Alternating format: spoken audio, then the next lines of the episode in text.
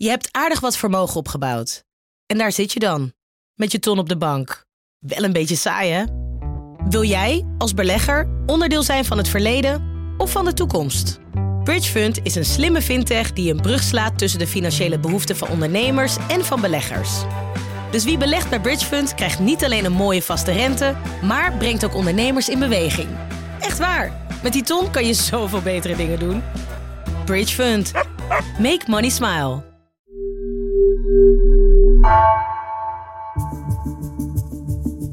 Vanaf de redactie van NRC het verhaal van vandaag. Mijn naam is Geertje Tunter.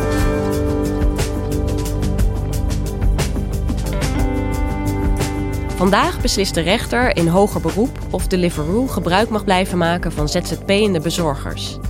Vakbond FNV, die de zaak aanspande, vindt van niet. Hoe vrij zijn de bezorgers eigenlijk? Zijn ze eigen baas en verdienen ze wel genoeg? Journalist Rens Lieman zocht het uit door zelf te gaan bezorgen.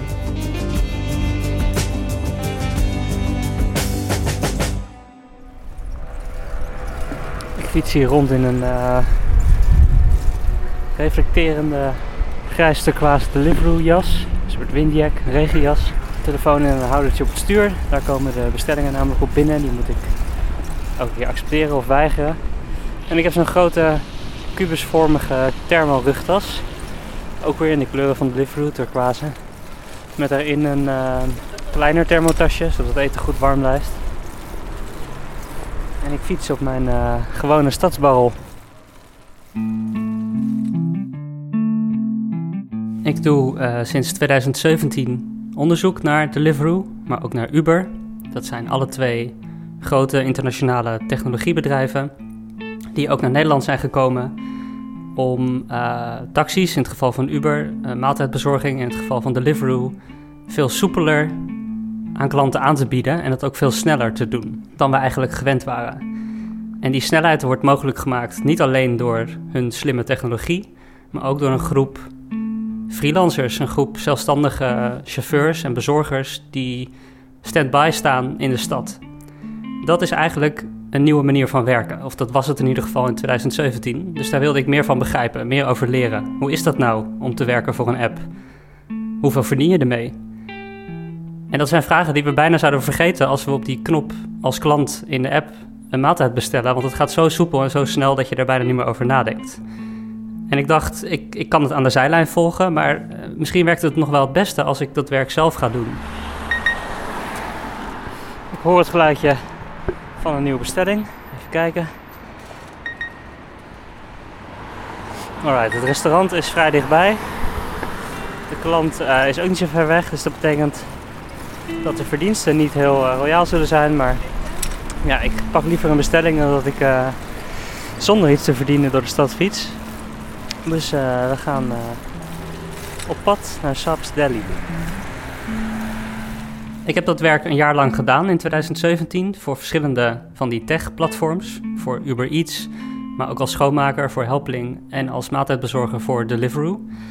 En ik ben dat werk eigenlijk weer opnieuw gaan doen in 2020. Toen um, de coronacrisis uitbrak, uh, horeca dicht moest. Ik was benieuwd, levert dat nou die bezorgers veel meer werk op? En is er, zijn er andere dingen veranderd aan het werk, maar ook aan de bezorgers die dat werk doen? Tegen wat voor problemen lopen die bezorgers aan, als er problemen zijn? Hey. Wat voor Deliveroo? 4429. Uh,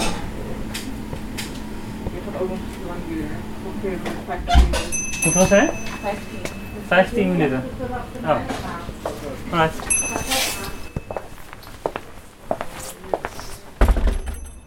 Oké, okay, ik hoor dat het nog uh, een kwartier duurt. En ik stond er al een kwartiertje, dus dat is uh, flink balen. Ik denk dat ik maar uh, ga wachten. Ik moet buiten, het is een te klein zaakje. Uh, het is niet anders. Kan jij vertellen hoe dat werkt in de praktijk om te werken voor Deliveroo? Is het gewoon een kwestie van je jas aantrekken, die app aanzetten en op de fiets stappen? Ja, het is inderdaad, je doet een, een grote rugtas om waar het eten goed warm in blijft. En je zet een schuifje in de app aan dat je beschikbaar bent. Ik open de app weer, de Rider app, de Deliveroo app speciaal voor bezorgers. En ik klik op ga online. Nou, dan zie ik een kaartje van Amsterdam die paars kleurt. Uh, hoe, hoe donkerder, hoe drukker het is. Het is licht paars, helaas. Uh, het is kwart voor zes, dus de etenspits moet nog beginnen, denk ik. Uh, maar als ik nu de app aanlaat, dan krijg ik hopelijk vanzelf een bestelling. En Renzi, bezorgers van Deliveroo, zijn net als jij allemaal ZZP'ers? Uh, nu wel. Zo zijn ze niet begonnen. Uh, toen ik begon in 2017 werden we nog in dienst genomen, alle bezorgers bij Deliveroo. Dat betekent dat je een uurloon krijgt, een minimumuurloon. Um, het betekende ook dat je bepaalde plichten had. We werden geacht om elke week minimaal één weekendshift te draaien. En de rest van de week mocht je dan vrij jezelf inroosteren. Maar dat is uh, in augustus 2017 veranderd naar een model waarin Deliveroo alleen nog maar met freelancers werkt. Dus nu zijn al die bezorgers inderdaad zelfstandig ondernemers. Ja, want hoe was het om in die, in die beginjaren, zeg maar, hoe was het om toen voor Deliveroo te werken? Ja, dat was nieuw en interessant en ook wel een beetje spannend. Want ja, die manier van werken, die kenden we nog niet. Het was ook een gezellige tijd. Uh, de groep bezorgers was nog wat kleiner. Je zwaaide naar elkaar als je elkaar tegenkwam op de fiets. Natuurlijk alleen naar de Deliveroo-bezorgers, niet naar die van Foodora of Uber Eats. Um, er waren appgroepen waarin je uh, praatte over het werk met elkaar, maar waarin ook werd afgesproken om af en toe eens naar de kroeg te gaan, te beachvolleyballen. En het was het gevoel dat je samen een beetje die nieuwe manier van werken aan het vormgeven was. Rensje vertelde net al, uh, in het begin was je nog eventjes in dienst zelfs bij Deliveroo. Maar in augustus 2017, toen werden alle fietsers opeens zelfstandig. Wat gebeurde er toen? Ja, in, in augustus 2017 veranderde dat inderdaad. Um, er werd medegedeeld dat um, het systeem van bezorgers in dienst eigenlijk uitgefaseerd werd. Dus contracten werden nog uitgediend. Maar daarna was het de bedoeling dat uh, als je nog wilde werken voor Deliveroo, je dat als ZZP'er deed. En alle nieuwe bezorgers waren sowieso zelfstandig. Dat uh, zorgde voor wat rumoer, want uh, dan verdwijnt het uurloon en je krijgt er een stuk loon voor terug, per bestelling. Er kwam ook wat vrijheid voor in de plaats, want je hoefde niet meer die wekelijkse verplichting uh, in het weekend, die had je niet meer. Um, met die toegenomen vrijheid om te werken wanneer je wil, komt ook extra verantwoordelijkheid. Je moet zelf ervoor zorgen dat je op de goede momenten en op de goede plekken aan het werk gaat. Want je wordt betaald per bestelling. Wat ook zo is, is dat al die bezorgers die elkaar zo vrolijk groeten op de weg, um, misschien nog steeds wel een beetje collega's van elkaar zijn, maar in feite concurrenten van elkaar worden. Want als die ander die bestelling op zijn app binnenkrijgt, betekent dat dat ik hem niet krijg. Wat ik ook zag, ietsje later, toen ik in 2020 weer op de fiets uh, stapte, is dat het slag bezorger veranderd was waren het in 2017 nog echt de studenten, fit, jong, uh, die dat doen als bijverdiensten en ook als alternatief voor een baantje in de horeca als afwasser of vakken vullen.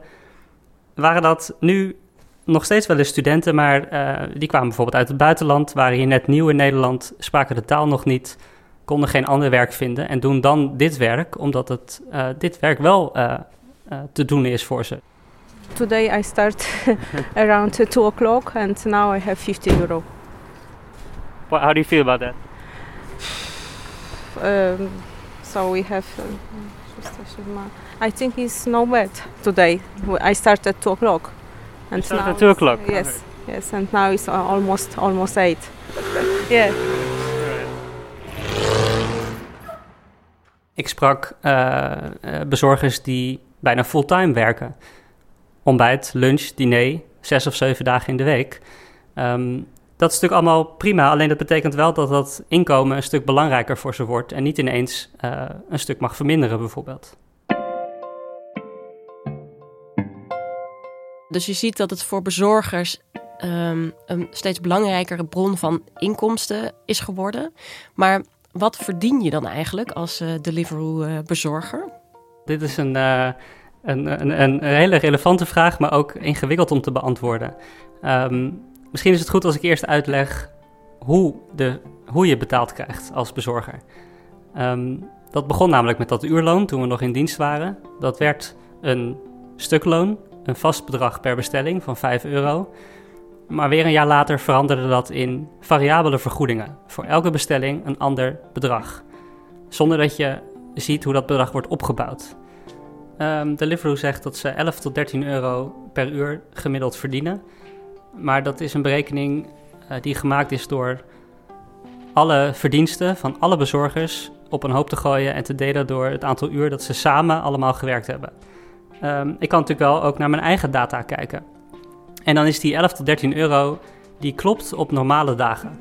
Uh, zeg een weekendavond. Uh, wegen zijn niet te glad. Bestellingen lopen lekker door. Restaurants werken mee. Dan kun je echt wel 11 tot 13 euro per uur verdienen.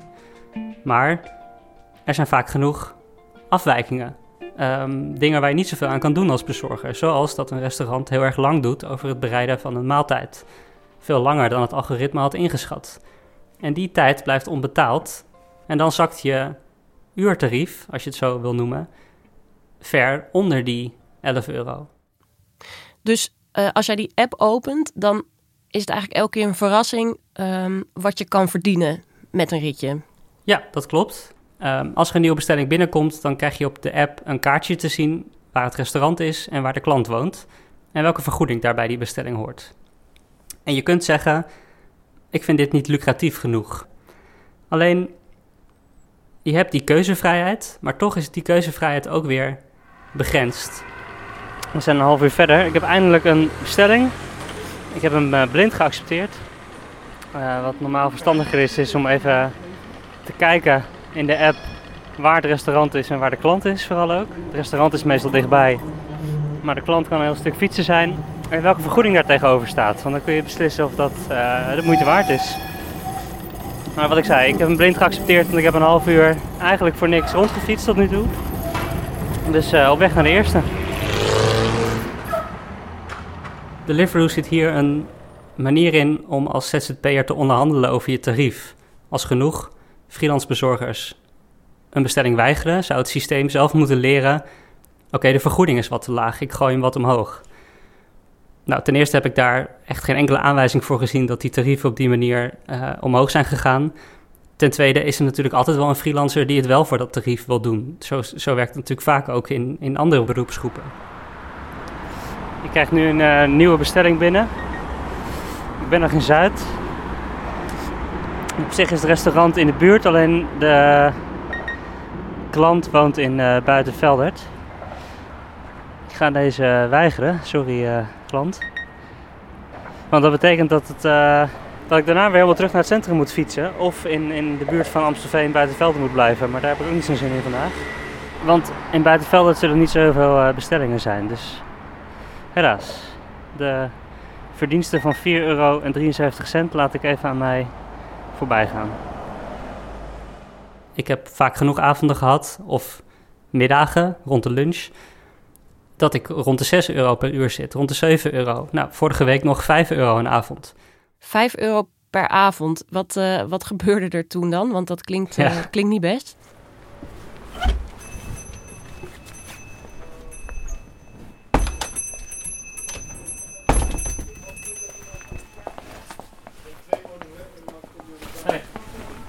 Maar voor de Deliveroo, 4429. Nou, dat was wel een rampavond. Ik heb toen 50 minuten buiten moeten wachten op een maaltijd. Gewoon omdat het restaurant, uh, zoals je dat in horeca-termen zegt, in de shit zat. Uh, hadden veel te veel bestellingen aangenomen. Uh, allemaal bezorgers boos, want die moesten allemaal veel te lang wachten. I'm going outside. I'm waiting outside. You know, you know what is outside? It's cold outside. I'm waiting for half an hour and she told me 15 minutes. What okay? What, what do you want to do? You want to go back in time? What? No, who's gonna pay me for this thing? Uh, not You me. are. Not me. Please just start now. Het gaat goed zolang het goed gaat. Um, het wordt vervelend als je je fiets moet repareren. Als je een paar weken niet kan werken omdat je een, een ongelukje hebt gehad. Kijk, dat soort dingen horen er ook allemaal bij. Um, daar ben je deels voor verzekerd, maar grotendeels ook niet. Oef, dit was een dramatische avond. Uh, ik ben weer thuis. Het is uh, rond 9 uur s'avonds. Uh, maar goed, even kijken wat ik verdiend heb. Ik open de app. in de drie uur die ik op de fiets heb gezeten, heb ik ja, 14,37 euro verdiend. Er was ook niemand die een fooitje gaf vandaag. Dus ja, dat is nog geen 5 euro per uur. Dat is misschien wel mijn uh, slechtste verdienste voor de Deliveroo uh, ooit. Dus ja, uh, een off day. Dus op rampzalige avonden kan het zo voorkomen dat je 5 euro per uur verdient. Nou, dat is natuurlijk niet veel. Maar op goede avonden verdien je, nou, laten we zeggen 12 euro. Eerlijk gezegd vind ik dat ook niet zo'n heel hoog bedrag. Ook omdat je natuurlijk ZZP'er bent en bijvoorbeeld niet pensioen opbouwt.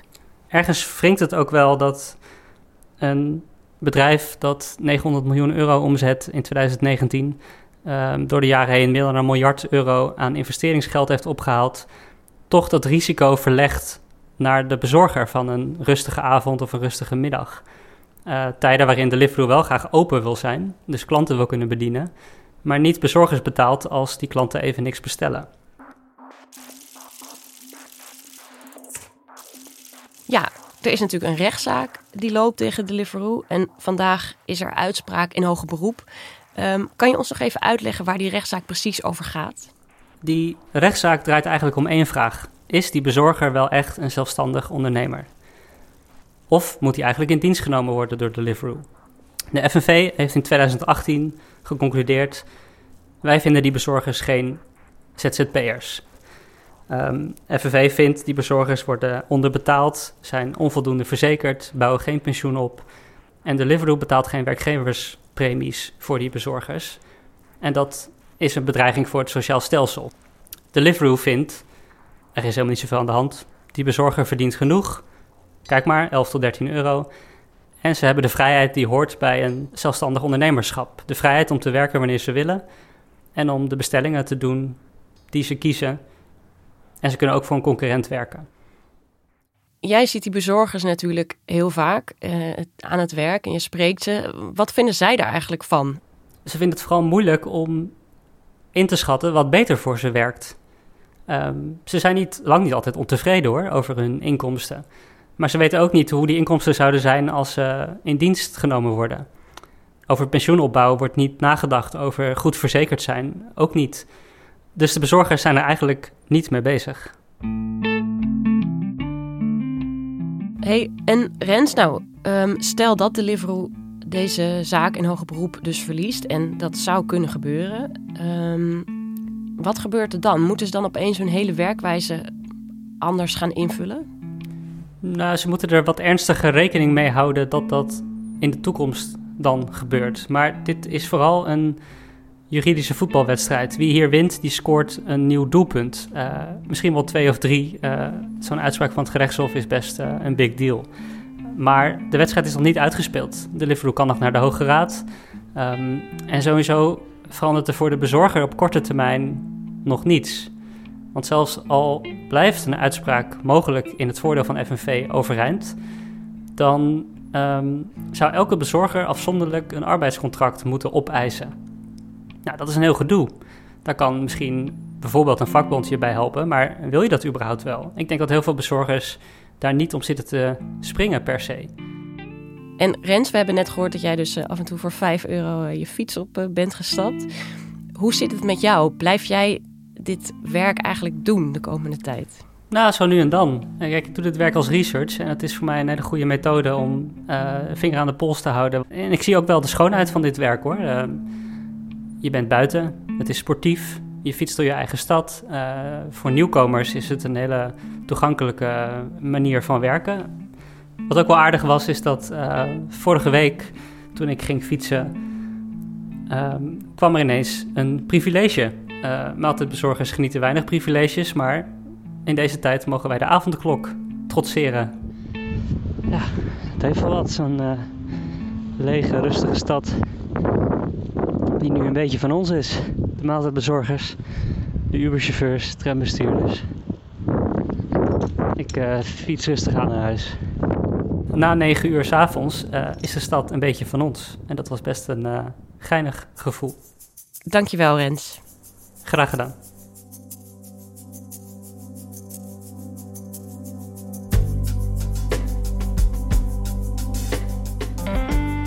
Je luisterde naar Vandaag, een podcast van NRC. Eén verhaal, elke dag. Deze aflevering werd gemaakt door Felicia Alberding, Tessa Kolen en Astrid Cornelissen. Chef van de audioredactie is Anne Moraal. Dit was vandaag, morgen weer.